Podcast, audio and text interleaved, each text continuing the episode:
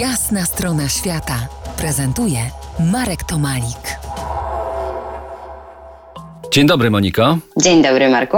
Po jasnej stronie świata zakochana w świecie Monika Lewicka.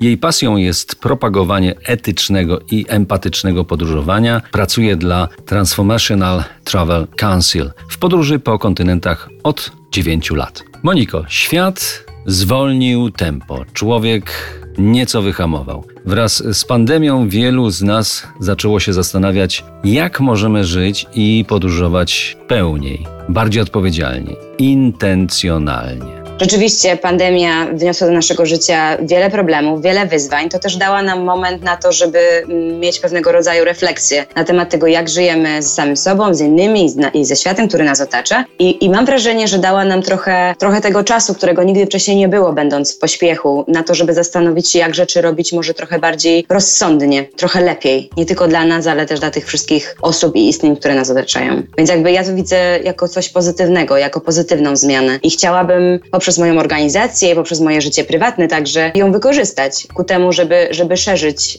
alternatywne podróżowanie, odpowiedzialne podróżowanie. Wielu z nas, w tym zbiorze ja sam się mieszczę, zaczęło rozglądać się dookoła i okazało się, że wiele radości daje odbiór tego, co niemal mamy w zasięgu ręki. Że tutaj także jest zajmująco i kolorowo. Doświadczyłaś tego też?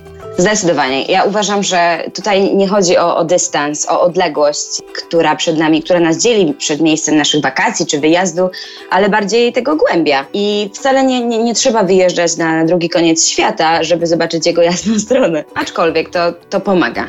W kolejnych etapach rozmowy będziemy mówić o tak zwanym intencjonalnym podróżowaniu, czyli z góry powinna być założona jakaś, jakaś intencja, z jednej strony może to być podróżowanie intencjonalne, czyli takie, które nie boi się trudnych tematów, które zabiera nas w tak zwane ciemne miejsca, gdzie, gdzie jesteśmy wystawieni na, na smutne rzeczy, na trudne rzeczy, na rzeczy, które stanowią dla nas wyzwanie, aczkolwiek uczymy się przez to bardzo dużo i dowiadujemy dużo o sobie. Mogą to być na przykład podróże do miejsc, w których istnieją jakieś problemy. Mm, na przykład mój przyjaciel zabiera ludzi w miejsca takie jak Sierra Leone, gdzie podczas dwóch dni z 12-dniowej wycieczki uczestniczy uczestnicy takiego wyjazdu zostają i żyją w wiosce lokalnej, w jest szpital i poznają realia tego szpitala. W Sierra Leone była, trwała 11-letnia wojna domowa. Po tej wojnie nie jest tam zbyt łatwo i właśnie Racz, o, o, którym tutaj mowa, nie boi się zabierać swoich kości w takie rejony świata. Są też ludzie tacy jak George z Ugandy, który stara się poprzez turyzm pokazywać problemy, na przykład te związane ze śmieciami i on, jak, w jaki sposób on to robi? On ćwiczy jogę i tańczy właśnie wśród tych śmieci w tej swojej Ugandzie. I nie jest to żaden zorganizowany spektakl, spektakl dla turyzmu, dla turyzmu, to jest po prostu coś, co go otacza na co dzień.